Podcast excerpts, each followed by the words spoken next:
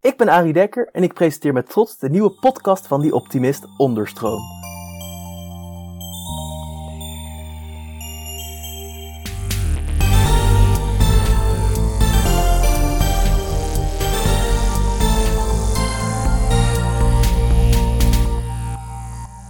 Hallo iedereen! Zoals altijd bieden wij om de week een podium aan mensen en ideeën die meer aandacht verdienen. Zoals je misschien in de beschrijving al hebt gelezen, is dit het tweede deel van onze podcast over AI. Ik raad je dan ook zeker aan eerst de vorige aflevering te luisteren via onze website, Apple Podcasts of welke plek je dan ook graag podcast luistert. Dit gezegd hebbende, laten we het gesprek voortzetten met Jim. Maar laten we nu weer even teruggaan. Ik had namelijk van Hielke Visser, ik weet niet of je hem kent, hij is ook een CEO van een groot AI-bedrijf. En hij had eigenlijk, ik had een blogpost. Welk bedrijf? Want zou ik, hem, zou ik... ik heb één ding niet opgeschreven. nee, geef weer twee seconden. Ja. Uh, Hielke, Detaiku. Oh, nou leuk. Heb ik ook weer een notitie gemaakt. Kijk eens, nou, waar ja. is in ieder geval Hielke Visser van Daitaku. En hij had eigenlijk een blogpost gemaakt en daarin heeft hij een paar redenen aangehaald waarom AI eng wordt. En ik dacht misschien dat jij voor ons dat dus een beetje kan weerleggen. Of in ieder geval zover dat reëel is. Je hoeft natuurlijk niet overpositief te zijn. De eerste zorg die heel vaak opkomt bij AI is dat die automatisatie gaat zorgen voor minder banen. Tot allemaal robots komen. Die gaan onze lieve fabriekswerkers, gaan ja. de kolenfabriek schoppen. Zover kolenfabriek nog goed is. En die banen overnemen. Hij had als voorbeeld dat het zorgt voor vooroordeel en ongelijkheid. Daar hebben we het natuurlijk ook al wel een beetje over gehad tot een hoogte. Dat AI beslissingen gaat nemen zonder dat we daar bewust van zijn. Dus dat het, nou nogmaals, dus een beetje Cybernet die besluit dat de mensen. Ultron is ook een hele goed voorbeeld van die Avengers, de slechterik. Die zegt, Ja. ik wil de wereld beschermen, dus vernietig ik de mensen. Want dat is het grootste probleem hier. En dan Uh, is Jarvis de held. En dat is ook en een als Jarvis de held, ja, die wordt de Vision. Oh jee, spoiler alert. oh nee, ja. Nou, film uit 2012 mogen we denk ik wel wat kleine doekjes over oplichten. Als ik het zo En- hoor, heeft- Hielke goed werk verricht door in ieder geval het licht te schijnen op wat ons tegenhoudt. Want Ja. dit zijn bijvoorbeeld dat van die banen, dat is allang debunked. Het is onderuit gehaald, dus uit onderzoek uit 2015, wat de onderzoekers zelf van zeggen van oeps, sorry, dat ligt toch echt anders. In dat oorspronkelijke onderzoek hadden ze het over 47 procent. We hebben het hier over Oxford University, The Future of Work of Future of Employment, een van die twee. En die onderzoekers, Frey en Osborne, die hebben daarna gezegd, oeps, we zijn een aantal dingen toch vergeten mee te nemen. Bijvoorbeeld dat een baan is nooit één ding. Een baan, dat zegt David Otter ook van MIT, die zegt, a job is a bundle of tasks. En misschien dat één van die taken inderdaad geautomatiseerd, gerobotiseerd, veralgoritmiseerd kan worden, sure. Maar dat betekent niet dat je hele baan verdwijnt. En dat hebben ze een paar keer moeten corrigeren. En nou is in 2018 is onderzoek gedaan door de OECD, de OESO. En die heeft gezegd, oké, voor de Nederlandse situatie, als wij deze definities toepassen, dan zou 11,4% van de banen op de tocht staan. En nou zeg ik niet dat dat weinig is, dat is nog steeds 1 op de 10, maar het is niet dat rare verhaal over dat de helft van de banen gaat verdwijnen door toedoen van nee. En ik durf dus te zeggen dat de enige banen die zullen verdwijnen, dat zijn dus mensen die zeggen no, machine learning of AI of robots. Voor mij hoeft dat niet. Nee, je- Ja. dan begin je toch lekker een videotheek in 2018 doen, weet je wel. Maar de, ik denk dat mensen die mee willen met de economie, die gaan toch iets meer voor een Netflix-model. Ja, want ik had ook ergens gelezen dat een van de uitkomsten was dat doordat er lagere productiekosten zijn, de vraag ook toeneemt. Als er dus een robot komt en bijvoorbeeld, Charlie, ik ga alleen maar films van halen werken. Het zijn geen eens allemaal AI-films, maar oké. pas. Nee, ja, in Charlie and the Chocolate Factory, in dat begin, ik weet dat in de film, ik weet niet of het boek ook zo begint, dan is er dus de vader van Charlie, die werkt in de Tampesta-dopjesfabriek en die verzamelt die ook voor Charlie. En dan komt er een robot en die neemt van arme vader van Charlie de Tampesta-dopjes-draai-job over. En op die manier wordt die dan eruit gespeeld. Maar wat ik dus las, was eigenlijk als er dus een robot komt, is het lagere productiekosten natuurlijk. Want je hoeft minder te betalen en het gaat sneller. Daardoor neemt dan de prijs af, neemt de vraag toe. En is uiteindelijk dus eigenlijk weer meer mensen nodig. Omdat andere velden vraag moet worden voorzien, toch? Dat is ook dan denk ik een beetje in die richting. Of zit ik hier nou helemaal te brabbelen? Nee, dat klopt. En het is leuk om dat voorbeeld erbij te halen. Wat David Autor daarover zegt, die zegt throughout all the time work has created work. Dus inderdaad, dat er nu een robot is die makkelijker die dopjes aan kan draaien, dat zorgt er voor nieuwe banen, nieuwe welvaart, et cetera. Dus ja, alleen da- daar gaan we weer, dat is de amygdala response. Oké, dus AI gaat voor nieuwe banen zorgen. Maar wat voor banen zijn het dan? Ja, dat weten we niet.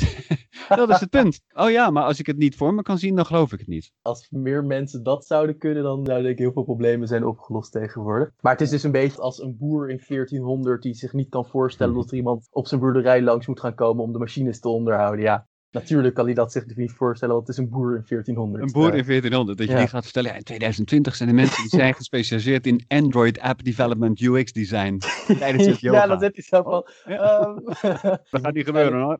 Die zou nog heel erg schrikken, denk ik, van het feit dat Amerika bestaat. Dus dan zie je al een beetje waar die... Ja. Uh, En dat is dus nu ook niet zo heftig natuurlijk, een boer in 1400, maar nu is ook een beetje zo waar een boer zich niet had kunnen voorstellen dat app development ooit een legit beroep werd waar mensen geld aan gingen verdienen voor hun kindjes. Kunnen wij ons niet voorstellen wat dan dus in de toekomst een beroep wordt dat ontstaat door AI. Dan hebben we die denk ik best wel een beetje weerlegd. Dus iemand hoeft niet meer bang te zijn dat zijn baan, of ja, mensen moeten tot een hoogte bang zijn dat hun baan wordt ingenomen, maar er zal altijd wel iets in de plaats komen als je maar genoeg je best doet. Dat iets fijns is aan het leven, het leven voorziet je wel. En laten we dan doorgaan naar de volgende. Het zorgt voor vooroordelen en ongelijkheid. Ja, dat, dat is dus zo'n zo'n rode vlag die omhoog wordt gehouden, waarvan ik zeg dat is leuk, maar wat is het tegengif? Ja. En ik denk dat Responsible Data Science veel van die vragen kan in ieder geval adresseren. Dus dat je een beter framework hebt om daarover te praten dan alleen maar te zeggen, maar dan wel ethisch verantwoord. En ja, wat tot de verbeelding spreekt is dan Amazon. Vorig jaar was dat groot nieuws ook weer. Amazon heeft een algoritme wat tijdens werving en selectie werd toegepast, gestopt omdat het vrouwen zou benadelen. Oké, nou, dat, die headline die kan je tot je nemen en zeggen, oh, oh, zie je dat AI, dat wordt nooit wat. En machine learning zorgt alleen maar voor ongelijkheid. Maar als je er iets langer over nadenkt, wat heeft dat algoritme nou gedaan? En dan herinner je misschien dat ik eerder in dit gesprek zei dat een algoritme vaak een spiegel is van de organisatie. Mhm. Want het kijkt naar patronen in de historische data. Dus dan zou je zomaar eens kunnen zeggen dat Amazon de afgelopen jaren structureel vrouwen heeft benadeeld. Jeetje, dat is wel. Dat is eigenlijk bijna weer een beetje dat hele de mens beïnvloedt het. En dan dus in dit geval zelfs dat het kopje eigenlijk zou moeten zijn: Amazon heeft vrouwen benadeeld. En niet ja. een AI benadeelt vrouwen. Precies, maar het is natuurlijk veel makkelijker om te zeggen: oh, stout algoritme af. ja, zou ik ook zeggen. Als een algoritme zou laten zien dat ik op een of andere manier heel verschrikkelijk ben, zou ik niet gaan zeggen: ja, dat klopt, ik ben echt een enorme. ja, exact. Dus wat zou Amazon, nogmaals, ik ben van het tegengif, wat zou Amazon dan eigenlijk moeten doen? Die zouden dan moeten erkennen van, ja, moet je luisteren, de afgelopen tien jaar zijn het voornamelijk mannen geweest die hier promotie hebben gemaakt, sneller de ladder hebben beklommen dan vrouwen. Dankjewel machine learning algoritme dat je ons dit hebt laten inzien. Wij gaan nu ditzelfde algoritme gaan we tweaken. Mensen zijn creatief, wij zijn ontwerpers. Wij gaan het algoritme tweaken dat vrouwen een eerlijke, en eerlijk is altijd lastig in het Nederlands, in ieder geval een equal chance, fair, hebben als mannen. Dus ik zeg niet dat je ze per se hoeft te bevooroordelen, dat is weer een hele andere discussie, maar zorg in ieder geval voor een level playing field. En daar is technologie best wel geschikt voor. Ook bijna weer een beetje heftig dus dat een AI zoiets goeds laat zien en gewoon geheel zijn baan doet. Maar omdat dus Amazon zoiets heeft van ik wil geen gezichtsverlies leiden, zegt ze maar gewoon meteen, hop, geschrapt. We stoppen ermee. Stomme AI, niks meer mee doen. En dat is natuurlijk echt best wel. Dus eigenlijk, het zorgt niet voor vooroordelen of ongelijkheid. Het laat juist heel goed zien wat wij die fout doen. Ja, dus eigenlijk is dat best wel dan bijna een beetje. Ik ga je ziet het dan toch weer een beetje als mensen bijna een beetje zielig voor die AI. En AI die heel, een nee, hond die heel diep de stok gaat halen. En dan gaan we hem straffen dat hij zo goed de stok heeft gehaald. Ja, ah, arme hond. Maar in ieder geval. Ja. AI heeft geen gevoelens. Nee. Egge van der Poel, ook weer zo'n held in Nederland, de datadokter wordt hij genoemd. Die gaat er vaak lekker strak in. Die heeft ook gezegd, een algoritme discrimineert. In de letterlijke nou, zin. Wow. Ik zit alweer een beetje zo... Zie je, dat is taal. Dat is wat taal met je doet. Maar letterlijk discrimineren is onderscheid maken. Ja, dus hij zegt niet dat we allemaal of racistisch of seksistisch of op leeftijd. Nee, altijd discrimineert. Het is nu aan ons om het zo te ontwerpen dat we dat op een bruikbare manier kunnen inzetten. Ja, en dus misschien zelfs bijna nog wel goed om soms niet helemaal het naar ons evenbeeld te willen maken, maar juist het te proberen een betere versie van ons te laten zijn. Een versie die niet vrouwen ontslaat en die niet een man eerder zou aannemen. Ja. ja. Nou, hebben die ook weer weerlegd? Jeetje, we gaan hartstikke lekker.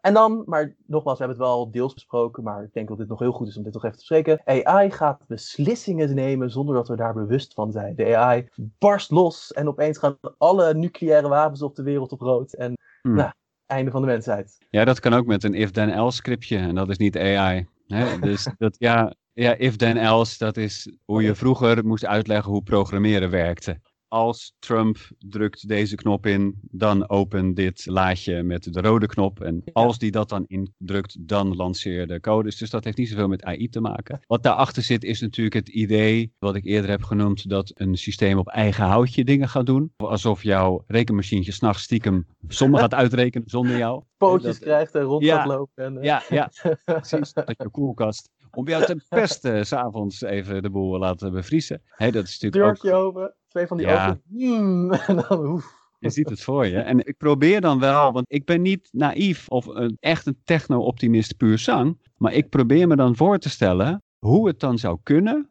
dat een systeem zelfbewustzijn ontwikkelt. En dan moet je gewoon heel eerlijk zijn. Wij weten niet eens hoe ons eigen brein werkt. En ik ben dus bij de allerslimste koppen langs geweest. En die zeggen, Jim, hoe meer wij leren over wat er zich hier afspeelt, hoe minder we er eigenlijk van snappen. Elke keer ontdekken we weer iets nieuws wat we niet weten. Het is fantastische wetenschap. Maar dat betekent dus dat hormonen of microben, jij hebt een triljard kleine machientjes in je lijf, die voor een groot deel bepalen wat jij doet, wat jij denkt, wat je voelt. En met je hersenen beredeneer je dat even, dat dat ook klopt met jouw beeld verder van hoe je naar de wereld kijkt. Maar ik bedoel, als we het niet snappen. Kunnen we het niet simuleren? Kunnen we het niet programmeren? Kunnen we het niet ontwerpen? Laat staan dat het zichzelf kan creëren. Dus eigenlijk is het een soort deus ex machina uh, redenatie. Van ja, die systemen die zijn nu nog niet zo slim, maar geef het maar tijd, geef het maar data, geef het rekenkracht en dan zal het magisch ontstaan. Nou, het woord magisch, dat moet je echt als Nou, als je dat in de wetenschap zegt, dan kijken ze ja, dan zeggen ze, nou, het is goed met jou. ja, ik, ja, ja, ja. Nee, dus, dus precies. Dus nogmaals, s'avonds om half negen met wijn, sure. Ja, maar precies als het gaat over echte dingen. Maar dus eigenlijk, als wij geen eens onze eigen hersenen begrijpen, hoe kunnen wij dan ooit in de wereld een robot creëren met menselijke hersenen? Of een, zelfs maar een robot die in de buurt ervan zichzelf gaat brengen? Dat klopt wel, want het is dus niet zo dat een AI een soort van door gaat rekenen uit zichzelf dan in dat geval, toch? Ja, en dan? Ja, dan kan hij de tafel van 147 nog sneller uitrekenen. ja, precies. Het zijn gewoon te specifieke processen. Dat was een voorbeeld dat dat een meisje destijds aan me gaf. Die zei tegen mij, dat dus dan leg je tegen een algoritme, nou, ik wil dat jij flessendopjes gaat onderscheiden. Die zijn blauw, die zijn rond en die zijn, ja. zijn van plastic. En dan zegt een AI, een foto van de zee laat hij dan zien en zegt, kijk, ook blauw. Ik zie daar ook zelfs nog een beetje rond. Is dat ook een, een flessendopje? En dat is eigenlijk wat jij dus nu ook zegt. Ja, als een AI geneens uit zichzelf het onderscheid kan gaan maken tussen een flessendop en de Atlantische Oceaan hoe moet het dan zelfbewust gaan worden, toch? Ja, ja, ja. ja goed dat je dat zegt. Veel van dit soort discussies die zijn geïnitieerd door het boek Superintelligence van Nicholas Bostrom. Nick Bostrom, uh, ook Oxford overigens. Waanzinnig slimme gast, super intellectueel, heel knap hoe hij over ethiek en technologie praat. Het is alleen wel een wetenschapper en dat betekent dat hij dus in zijn boek mogelijkheden beschrijft. Hij zegt niet dat het gaat gebeuren, maar dat voorbeeld wat jij nu aangeeft, dat is bij hem het paperclip-experiment, waarbij een fabriek door een AI, wat dat al is, weet ik niet, maar een AI wordt bestuurd om zoveel mogelijk paperclips eh, te maken en dan dus besluit, nogmaals, wat dat dan ook betekent, besluit om zelf energievoorzienend te zijn, dus een heel bos in de buurt verbrandt, mensen overbodig maakt, want die lopen alleen maar in de weg en de planeet uiteindelijk één grote stapel van paperclips is geworden. Kijk, het is fantastisch dat je dat kan bedenken met je brein, maar er zitten echt wel wat sprongen in qua logica die onverklaarbaar zijn. Dus dan ben je toch deus ex machina. Je bent aan het zeggen dat er een systeem is dat een systeem ontwerpt. En dat is niet anders dan creationisten doen die zeggen God bestaat, want God heeft hem ontworpen of iets dergelijks. Er zat een bal op een wolk en die zei poef, de wereld, ja. poef, ja. de zon. Maar, maar, wie heeft dat dan gemaakt? Ja, weer ja, ja, nog een god. Een god in een andere god. Maar uh, laten we niet te theologisch gaan. Dus ook daarbij weer de kans tot de paperclipfabriek besluit om de hele wereld in paperclips te bedekken. Ja, het weet nu nog waarschijnlijk geen verschil tussen een paperclip en een aap. Laat staan dat het gaat besluiten om bossen te gaan verbranden in de buurt en dan vervolgens meerdere weken mensen de per ongeluk het fornuis induwen. En maar het is wel het Skynet scenario. Het Skynet was ook gewoon eigenlijk internet. Maar dan, wanneer was het? Oh, we zijn het moment al gepasseerd volgens mij. When Skynet became self-aware. Was het niet zelfs 1997 of zo? Echt zelfs daar ergens? Voor mij, toen ik geboren werd, dus dan zie je het al een beetje. Ik ben ondertussen al best een, uh, nou, oud is overdreven. Toen besloten zij dat inderdaad Skynet zou zijn gekomen. Ja. Sterkte 1984. Ja. Ja, precies. Ja. Dus nogmaals, ik hoop ook dat als er nu kijkers, lezers, optimisten zijn die zeggen: Jim, hoe kan je nou dit idee van tafel vegen? Er is wel onderzoek gedaan, er is bewijs dat een systeem agency kan ontwikkelen, dus zelfbewustzijn kan ontwikkelen en daardoor dus in zal gaan tegen de kernel, tegen de reward function die de ontwerper heeft gemaakt. Let me know. Maar tot die tijd vind ik dus dat soort verhalen van Nick Bostrom vermakelijk. Maar het is heel jammer dat grote beslissingen. eh, bij Google zijn ze ook helemaal. Of een aantal mensen zijn er erg onder de indruk van Bostrom. Niet in de laatste plaats omdat Musk ze steeds in dat hoekje duwt. En Ja. daar, ja, het, het gaat een eigen leven leiden. Maar ik moet het nog zien. En in ieder geval zal het nog wel echt even gaan duren. We gaan niet, eh, andere serie die ik heel leuk vind, zo'n scenario als in Westworld, dat de robots Mhm. er klaar mee zijn. En het enige dat hun tegenhield was dat hun herinneringen werden gewist. Kleine spoiler. Dat dat dan het enige is dat ze tegenhoudt om niet te besluiten. We haten mensen, we gaan ervoor. Ja, nou, voor Ja. nu heeft een AI nog steeds dus nogmaals moeite met hele rare kleine dingetjes. Dan ga ik denk ik niet eh, bang zijn dat er een Terminator skelet voor je deur staat met een geweer en dat zegt human, get out. En Nee. eh, je fusilleert achter het schuurtje.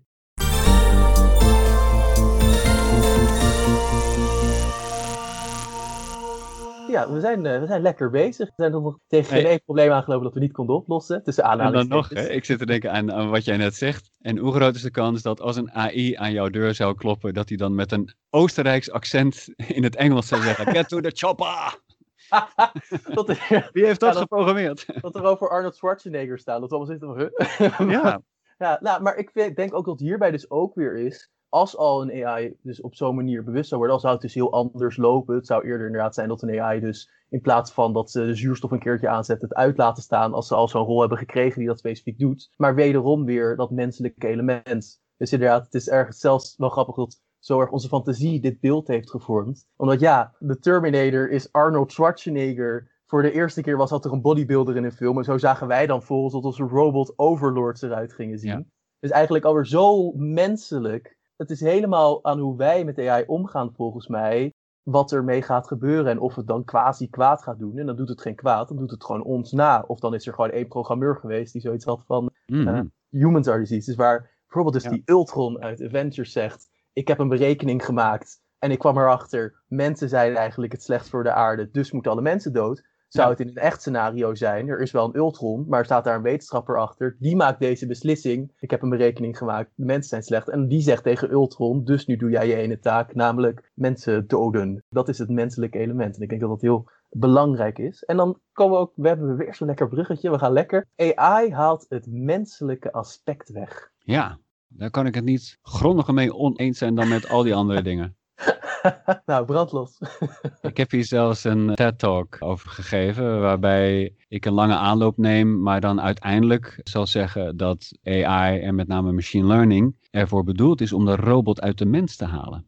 Je wil niet weten hoeveel mensen op dit moment hun werk is om informatie in het ene systeem op te zoeken en in een ander systeem in te kloppen. Of door urenlang door Excel-sheets te scrollen. En laten we nou eerlijk wezen, zijn wij als mensheid nu, zijn we zo ver gekomen om dat op dagdagelijkse dagen, pardon, ik ben helemaal mijn spraak kwijt gelijk, om dag, dagelijkse basis, dat is het, ja. Ja, precies. Om dat te doen, nee, maar dat is nou typisch een klusje wat machine learning heel goed kan. Dus je zal zien dat bijvoorbeeld Microsoft Excel, dat heeft ervoor gezorgd dat we boekhouden niet meer op papier doen, maar in spreadsheets, wat een digitale representatie is van een groot boek. Maar dat nu AI of machine learning zal zeggen, oké, en wij kunnen nu Excel voor jou algoritmiseren. Met andere woorden, het enige wat jij hoeft te doen is ons even toegang geven tot je bankrekening, tot je dit, tot je dat. En dan gaan we het allemaal netjes Yay. boeken. Nou, en dan, zegt, ja, en dan zegt Stephen Hawking natuurlijk, oh, maar dan gaat Ja. hij geld overmaken naar zijn eigen bitcoin wallet. Ja, Ja, sure. Maar tot die tijd zou je zien dat heel veel routinematige, eh, voorspelbare, repeterende taken die mensen nu uitvoeren, dat ze op een gegeven moment blij zijn als die zullen gedaan worden door een robotarm of door een digitale versie, een algoritme, zodat zij, en daar komt het natuurlijk wel op aan, dat is ook de verantwoordelijkheid van de werkgever, Hm. dat de werkgever wel vrijheid geeft aan die mensen. Dat ze zeggen, oké, je hoeft nu dus niet meer elke dag die informatie daarin op te zoeken, daarin op te zoeken. Dus ik ontsla je nu. Nee, dat is onzin. A job is a bundle of tasks. Hier heb je een horloge, nu- hier heb je een doosje pinda's. Goed, Ja. goodbye. Ja, een USB-stick, dat was. USB-stick, ja. Nee, Maar ja. die, die werkgever die zal nu dus zeggen, oké, dus van jouw takenpakket hoef je nu minder tijd te besteden aan dit geestdodende, robotachtige werk. Dus ik ga er wel van uit, beste Arie, dat je nu waarschijnlijk twee klanten meer kan bellen of kan Ja. bezoeken. Dus Ja. veel meer dat menselijke aspect. Want als computers, als robots ergens slecht in zijn, is het in hun omgang met mensen. Dat Mm. kunnen ze niet en dat zal nog heel lang duren voordat dat ook maar een beetje lijkt op wat mensen mens maakt. Namelijk die Ja. empathie. En daarom is ook de slogan van agency: Humans are best at being human. AI will do the rest. We zijn wel ambitieus. Ja, nee, precies. Want ik heb er ook nog wel iets grappigs over te zeggen. Om weer dan bij, zelfs bij dit te laten zien hoe ver AI nog moet komen. En dus hoe erg wij niet bang hoeven te zijn. Ik heb een interview gehad met een man die heeft een website zooniverse.org. Die doet aan citizen science. Wat citizen science is, mogen ze lekker zelf gaan lezen in het volgende issue van de Optimist. Want we moeten natuurlijk wel een beetje reclame blijven maken. Ja. Maar wat hij eigenlijk zei, want zo is dat dus ontstaan. Zij hadden 50 miljoen afbeeldingen van sterrenstelsels. Want tegenwoordig, dat is een van de voordelen van onze ontwikkelingen. We hebben nu eigenlijk zoveel data en informatie, daar kunnen we gewoon niks meer mee. Want ja, we hebben 2000 sterrenkundigen op deze aarde rondlopen. Ja. Voor mij was het wel iets meer, maar in ieder geval, je kan ze bijna in één zaal zetten, dus een stadion. Ja, Die kunnen niet 5 miljoen sterrenstelsels met z'n allen gaan door. En dat is dan echt zeg maar één klus. Dat is niet eens alle klussen samen, eentje. Mhm. En wat zij toen hadden gedaan was, zo werd dat ervoor gedaan, dan zeggen ze, nou, we zoeken spiraalvormige en elliptische sterrenstelsels. Spiraalvormige sterrenstelsels zijn meestal blauw, dus zeggen wij tegen AI, AI, zoek blauw en list dat als een spiraalvormige. Mhm. En de grap was dus dat um, promovendus van dus zijn universiteit, hij werkt bij Oxford, Chris Lintott heet hij, Ja. overigens, dus degene waarmee ik het interview had, die zei, die ging dat gewoon met de hand doen. Die heeft er 5000 gedaan. Veel te veel. Ja, echt uh, Wow. alle respect van de wereld. Maar ja, het is wel je uh, master thesis. Daar doe je soms wel saaiere dingen voor. Ja, dat klopt, ja. En die kwam er eigenlijk gewoon achter. Dat is gewoon, dat klopt niet. Je krijgt dan hele slechte resultaten. Mm. Het was echt, er zat een veel te groot verschil tussen wat hij uiteindelijk eruit haalde als spiraalvormig en wat de AI doet. Dus dan zie je maar weer inderdaad dat zelfs in die routine taakjes die wij graag Ja. willen laten overnemen, dat de AI zelfs nog eigenlijk nou, te dom. Het is niet aardig om iemand dom te doen, maar ik denk dat de AI Mm. ons niet voor zal straffen, misschien over 600 jaar. Ehm, dat hij dus zelfs nog voor die routine taakjes op het moment nog bijna een beetje te dom is. En ik Ja. denk dat het ook wel weer, wederom dus om mensen wat minder bang te maken. Ja, Ja, maar je, helemaal afgeweken. En Mhm. eigenlijk de laatste die hij gaf, en dat vind ik natuurlijk de grappigste, de eigenlijk hoef ik hem geen eens weer te stellen, maar het is toch even leuk om op te werken. Ja. Een AI uprising. Skynet. Dit Oh, gaat toch? gebeuren. Ja, dat gaf wij aan. Maar dat, nogmaals, hij weer legt ze ook hoor, overigens. Wel voor Ja, een deel geval. Hij beschrijft ze. Ja. hij ging, anders zou hij inderdaad, zou Daitaku een beetje een sensatiebedrijf zijn. ja, ja. Ja, maar eigenlijk hoeven we dat geen eens meer te antwoorden. Dus AI is dom op zijn best en gaat geheel volgens wat wij willen doen. Dus als het al gebeurt, zal het eerder een handje erin hebben. Maar er zal altijd een slecht mens achter staan om dat handje te duwen, als het ware, toch? Ja, precies. Ja. Daarom zeg ik ook, Hielke heeft volgens mij heel goed zijn best gedaan om even het licht te schijnen op waar we het over moeten hebben. Want het gaat niet vanzelf. Het is niet zo dat als we nu niks doen, dat AI zich dus inderdaad op zo'n hele leuke Kumbaya manier zal ontwikkelen. Omdat er nu eenmaal actoren in de wereld zijn, eh, dat kunnen staten zijn, eh, overheden, kwaadwillenden, die Ja. denken, hé, hey, dat is een leuke technologie. Ja. Daar kunnen we wel wat mee. Dus het is ook aan ons, de optimisten, de gewone mensen, of mensen die het goed voor hebben met de wereld, om kennis te hebben van de technologie. Wat zijn de valkuilen? Wat zijn de kansen? Waar moeten we op letten? Hoe kunnen we het samen ontwerpen? Tikjes tegen het roer geven, dat we de goede kant op varen. En dat Ja. is dus waarom ik ook die cursus ben begonnen. Gratis. Ja. voor Nederlanders en Belgen inmiddels. Waarom Oh. gratis, Jim? Is die ook echt in het Belgisch? Of is die wel daar, zit ik nu middenin. Daarom ben ik nu in een greenscreen. Ik ben net de filmpjes aan het opnemen voor, eh, Oh, voor, voor Vlaanderen. Ja. Onze luisteraars zien dat niet, maar inderdaad, je zat, ik zat al een beetje te denken of er niet nog ergens een dinosaurus achter je ging verschijnen op een gegeven moment in ons interview, maar eh, ja, nou ja, wie weet. wie weet. Maar in ieder geval, ja, ga door, sorry.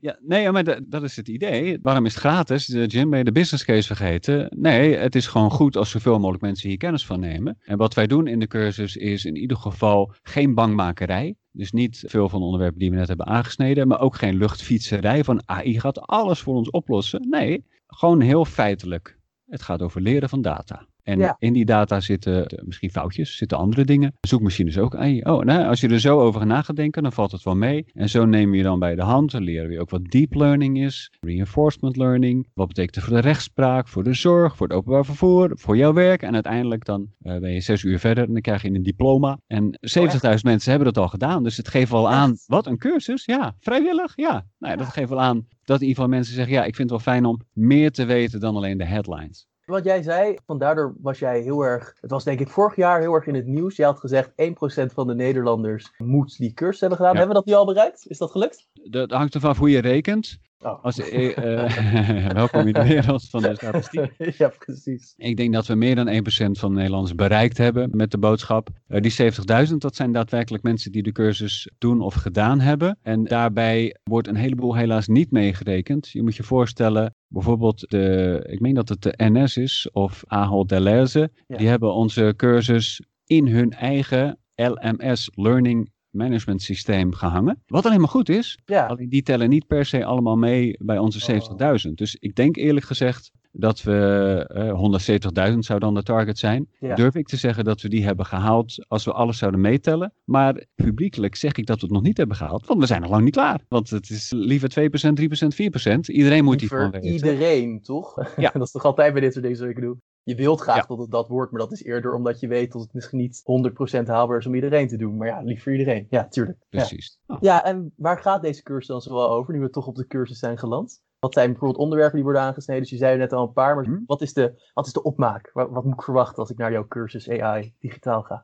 Het is vooral toegankelijk. Dat wil zeggen dat het niet saai is. Het is een hele leuke afwisseling van vormen. Ik ben zelf was ik geïnspireerd door een Finse versie hiervan, een Finse AI-cursus. En toen werd ik benaderd hier in Nederland door het bedrijf Elephant Road. Die hebben ook eh, Remember, dat is een ander bedrijf wat in hetzelfde gebouw zit. Die zijn gespecialiseerd in online leren. Dus die hebben gezegd, Jim, je moet niet alleen maar tekst doen of alleen maar video. Dus zij hebben de cursus op een hele leuke, bijna hippe manier vormgegeven. Met kleine quizjes, kleine animaties, stapje voor stapje. Als je stopt, gaat hij de volgende keer gewoon verder waar je gebleven was. Dus je kan hem in je eigen tijd doen. Echt hoe het zou moeten in 2020. Dus dat is de cursus. En wat we eigenlijk daarmee doen voor je, is dat je een soort zwemdiploma krijgt. We zijn allemaal in diepe gegooid nu. Ja, En dan kan de overheid wel allerlei hekken gaan zetten om slootjes en lifeguards aanstellen. Maar dat helpt niet. Mensen moeten gewoon een bepaalde basisvaardigheid hebben. Digitaal zwemdiploma. En dat zou dit moeten zijn. Dus iedereen die deze cursus heeft gedaan, die kan in ieder geval een geïnformeerde discussie voeren over... Ja, ik weet nu wat bias is en ik weet hoe het wordt veroorzaakt. Dus ik ga er eens op letten. Of ik ga Ja. vragen stellen aan dit ministerie die mijn data hiervoor gebruikt. dus ook hier weer bij. En ik denk ook dat dat sowieso een beetje de kern is van dit hele AI-ding dat wij nu bespreken. Dat het dus inderdaad is, jij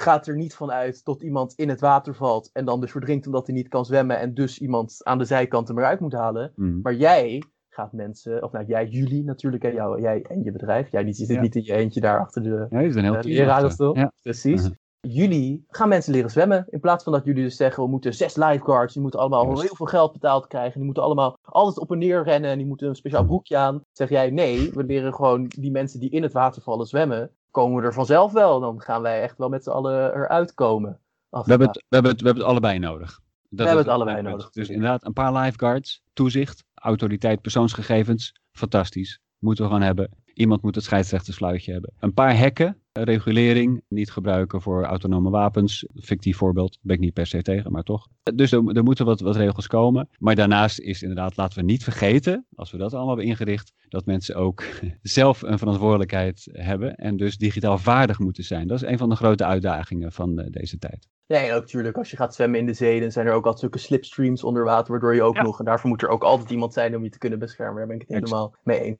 Nou, ik denk dat we nu al een beetje richting de laatste paar vragen willen kunnen gaan, maar ik heb nog wel een paar grote. Eigenlijk de eerste vraag die ik had nog als laatste is, wat zijn nou echt grote ontwikkelingen geweest op het gebied van AI? Want ik hoor dus eigenlijk vrijwel alleen maar zulke dingen van, het wordt gebruikt in de medische studie. Maar wat zijn nou, wat zijn, als je een AI-deskundige bent, wat staat er dan bovenaan jouw nieuwspagina? Ja, dus los van de, de medische zorg, waar toepassingen heel mediageniek zijn. Ik denk goed om dicht bij huis te blijven. Ik ben zelf heel trots op een project wat mijn bedrijf Agency heeft gedaan voor het ministerie VWS. Dus dat is zorggerelateerd, maar het ging niet over de zorg. Daar hebben we ambtenaren die daar werk deden. Oh, nog steeds doen overigens. Wat beter kon, dat vonden ze zelf. Ja, ik heb niet echt tijd om helemaal uit te wijden. Maar je moet je voorstellen, zij zwommen in de data. En ze waren bepaalde routinematige handelingen aan het verrichten continu. Daar heeft mijn team naar gekeken. En wij hebben op basis daarvan hebben wij een algoritme gebouwd. Wat voor hen eh, een heleboel werk vooraf doet. En dan vervolgens drie stapeltjes maakt. Eén stapeltje met, hmm, uh, zit wel goed. Eén stapeltje met, pas op, rode vlag. Hier is iets aan de hand. Hier moet je naar kijken. En een stapeltje in het midden met, wij weten niet. Ons algoritme is niet meer dan 70% zeker op welke stapel die moet. Ja. En nu mag dus, of nu moet de ambtenaar, die mag niet alleen maar naar dat rode stapeltje toe gaan, wat heel verleidelijk is, maar dan zijn Ja. we eigenlijk alleen maar het eigen bewijs aan het verstevigen. Ze moeten ook af en toe vanaf die andere stapel pakken om het systeem lerend te houden. Ja. En dan denk je, nou, dat klinkt leuk, maar wat levert het nou op? Nou, normaal gesproken moesten zij negen dossiers behandelen om er eentje uit te vissen die niet goedgekeurd had mogen worden. Laat ik het even zo eh, omschrijven. Ons systeem, door middel van de stapeltjes, van elke negen die zij er nu behandelen, pakken ze er vijf. Dus dat betekent dat die ambtenaren zich nu opeens, hey, wauw, ik ben in mijn werk gegroeid. Door dit nieuwe gereedschap ben ik een soort Usain Bolt geworden van het ministerie. ik ga super snel en ik hoef minder mensen lastig te vallen, terwijl ik wel nog steeds mijn werk goed doe. Dus Ja. dit klinkt misschien saai, maar dit is wat mij betreft super sexy en dit zou op de top van de lijsten moeten staan, want dit zie je op veel plekken gebeuren, dat dit soort systemen gewoon mensen ondersteunen bij hun dagdagelijkse werk op een manier die ervoor zorgt dat ze beter uit de verf komen. Nou, maar ik vind dat helemaal niet saai, eerlijk gezegd. Ik vind dat heel mooi om te horen, dat we dus het samen met AI eigenlijk aan het doen zijn. Dat dat ook gewoon een heel mooi doel is om voor te gaan, daar ben ik het helemaal mee eens. Waarom Ja. moet inderdaad eigenlijk altijd één van ons twee bovenop staan? Waarom niet hand in hand? En dan, waarom moet Ja. het meteen ons aangevallen met wapens of moeten wij het meteen heldhaftig gaan vernietigen? Nee, het neemt gewoon net even dat rottaakje over, dat drie keer klikken waar je helemaal je dood Ja. naar. Dat doet dan een AI voor jou. En dan een beetje kijken tot de toekomst. Want ik merk aan jou dat jij er wel goed in staat in waar dit heen gaat. Wat denk jij, waar gaan wij heen in de toekomst? Hoe gaat dan AI? Want jij zegt dus het zijn niet skeletonrobots met geweren die achter ons Hmm. aanrennen. Maar wat wordt het dan? Nou, je hebt al heel veel eh, dingen in je vraag gezegd, hoe, ik er ook naar kijk. Dus de, eh, Ray Kurzweil noemt het hybrid intelligence. Het is niet het een of het ander. Er zullen steeds meer systemen tegenkomen waarbij er dus altijd een mens, human in the loop, of human on the loop is. Mhm. Maar waarbij dus de AI in het systeem, it will do the heavy lifting for us. Dus het systeem gaat al heel veel informatie verzamelen, doorakkeren, klaarzetten, analyseren, clusteren, etc.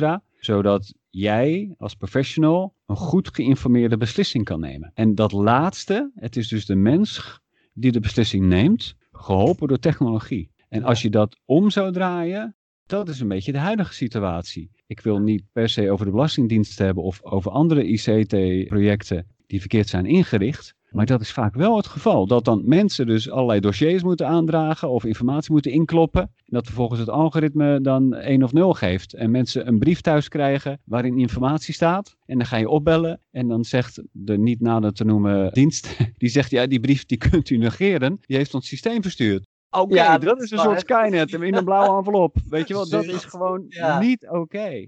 Dus als je mij vraagt naar de toekomst, dan denk ik dat dat gaat flippen. Dat we dus, en dan niet flippen in de zin dat mensen er gek van worden, maar dat het een nieuwe manier van inrichten wordt, waarbij humans in de loop zijn, beter geïnformeerde beslissingen kunnen nemen en dus ook de mensen accountable worden gehouden voor die beslissingen. Dus als er dan gedonder van komt, dat dan dat mens die die beslissing heeft genomen, dat ik kan Ja. zeggen, luister, ik heb die beslissing genomen op basis van deze informatie. En dan zien ze dus dat algoritmische systeem en dan mag dat geen black box zijn. Dus dat is het tweede deel van mijn antwoord eh, op jouw vraag. Black boxen mogen we niet accepteren, kunnen we niet accepteren, mogen we nog ineens bouwen. Als jij als ontwerper niet weet hoe jouw systeem werkt en je gaat het verkopen, dan ben je super fout bezig. Als jij als leverancier een systeem aanschaft wat niet uitlegbaar of transparant is, dan ga je daar in de toekomst echt tegen de lamp aan lopen. En dan in dit vlak, dus jij bent als professional accountable, dus je moet kunnen laten zien hoe je tot de beslissing komt. Dus je moet inzicht geven in het algoritme. Dus je moet laten zien waarop de data is getraind. Ja. heet weer data lineage. Als je dat allemaal niet op orde bent, dan krijg je het zwaar. Als je dit goed inricht, nou, dan ben je de, wat hadden we, de Usain Bolt Ja, van jouw organisatie. Maar dus met jouw cursus en ook gewoon met doorzichtigheid. Het moet niet een geheim bedrijven die zeggen van onze AI werkt zo goed. Hoe, hoe, hoe, hoe, hoe. Nee, iedereen moet gewoon precies begrijpen wat er gebeurt. Want daarom is het denk ik dus nu dat het zo is dat we inderdaad de eindbeslissing laten maken. Dat het dan niet klopt. Doordat die blackbox, zodat je niet snapt wat er gebeurt. En het moet dus eigenlijk worden, we weten precies wat jij doet meneer de AI. Dankjewel voor de informatie. En dan gaan we door. Dus haal je die hele nou, onderzoekende functie in ieder geval voor een deel eruit. En daar laat je jou helpen. Dus ik vind het ook wel grappig. Er is een videogamer, die ken jij denk ik wel, maar ik zal het voor onze lezer even uitleggen. Dat is Mega Man. Dat is een kleine Nee, blauwe man. Ken je Mega Man niet? Nee?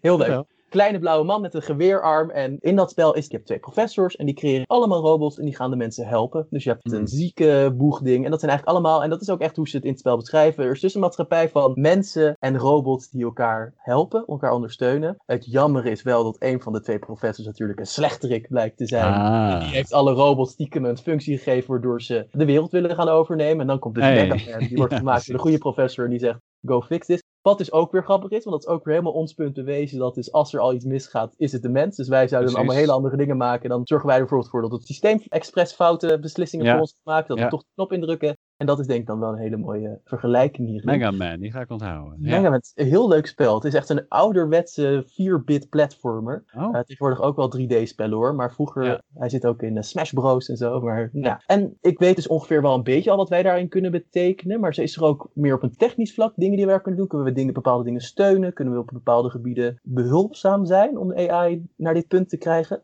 En we bedoel je dan als de optimist of de, de, mens. mensheid? Of, Ja, eh, laten we even zeggen, dus het individu. Dus wat kan ik al iets doen om dit prachtige beeld van AI en de mens waar te maken? Of is dat, eh, laat het over aan de big boys? Nou, nee, ik denk dat we allemaal onze rol daar spelen. En het is juist, AI is te belangrijk om over te laten aan de techbedrijven of aan overheden. Ja. Dus hoe meer mensen er weet van hebben, hoe beter. Hè? We hebben mondige burgers nodig, kritische consumenten. Ja, die creëer je alleen maar met dat zwemdiploma waar we het over hebben gehad. En laat ik dan ook de eerste zijn om te zeggen dat onze cursus is maar een elementje wat hoort bij een digitaal zwemdiploma, toch? Dus het kan ook geen kwaad om wat meer te weten over cybersecurity. Laat je niet hack maken, dat soort leuke platforms die er zijn. Ja, ja. Of, maar goed, nou klinkt het net alsof iedereen nu ook entrepreneur moet worden. Maar het, ik vind- het je taak als burger of als consument om daar kritisch en goed geïnformeerd over te zijn. Dat is het enige wat we kunnen doen. En de ontwikkelingen die gaan steeds sneller, gaan soms ook te snel. Tien jaar geleden was de vraag heel vaak, oh, dat willen we. Maar kan het technologisch? Ja. En nu, anno 2020, zeggen we tegen elkaar, wauw, dat kan dus. Maar willen we het eigenlijk wel? Ik hoorde ook zelfs wel een beetje mineur in je stem. Nee, want ik had ook gelezen over dat dan dus AI voor fake news en privacy schending kan worden gebruikt. Daar hebben we het dus ook wel over gehad. Dan inderdaad heel mooi gezegd. Belangrijk, wij moeten gewoon mondig worden. Wij moeten weten wat er gebeurt. En dat kan heel goed via jouw cursus. Nou, ik vond het echt een super gesprek. Ik ben heel erg geïnteresseerd. Ja, we gaan er dus ook een tweedelige van maken. Dus dat Oh, nou, zegt denk ik wel wat. Ja, nee, ik, joh, ik ga er hier niet in knippen. Het is allemaal hartstikke eh, leuk en informerend. Dus dan is het alleen maar fijn. En echt gewoon heel erg bedankt. Ik vond het echt eh, super interessant. En eh, nou, wie weet nog tot de volgende podcast. Dus 9 uur met een glas wijn. Ja, oh ja, nee, dat, die staat nu, hè? Die staat. Ja. is goed. Gaan we doen. Ja.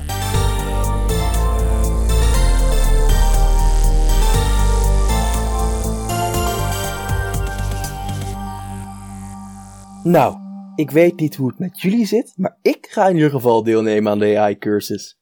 Ik wou nog even Stephanie bedanken. Zij was degene die mij origineel vertelde over de niet enge kant van AI, wat mij inspireerde om deze podcast te maken. Als dit de eerste podcast is die je van ons hoort, kan je via onze website, Spotify of welke plek je dan ook graag podcast luistert de vorige aflevering over het Breakout Team vinden. Hierin vertelt Jolanda Eigenstein ons over hoe zij met haar team ervoor probeert te zorgen dat wij een corona-sance tegemoet gaan. Ook zal ik in de beschrijving een link zetten naar het artikel van Hugo Visser en de gratis AI-cursus waarover Jim ons vertelde. We zijn er over twee weken weer, maar in de tussentijd hoef je natuurlijk niet met je duimen te gaan zitten draaien. Zo kan je het nieuwste nummer van Die Optimist nu gratis op onze website dieoptimist.nl lezen. Ook kan je deelnemen aan de fotowedstrijd die wij hebben georganiseerd om ons 25-jarig bestaan te vieren. Bij deze maak je niet alleen kans op mooie prijzen, maar ook op een plaatsing in het blad. Daarnaast kan je natuurlijk ook de podcast een mail sturen met vragen, inspiratie of gewoon om te laten weten hoe leuk je ons vindt via redactie.theoptimist.nl. Wie weet kom jij dan in ons toekomstige luisteraarssegment. Als laatste wil ik ook nog Anouk Wolf bedanken voor het maken van de muziek bij deze podcast.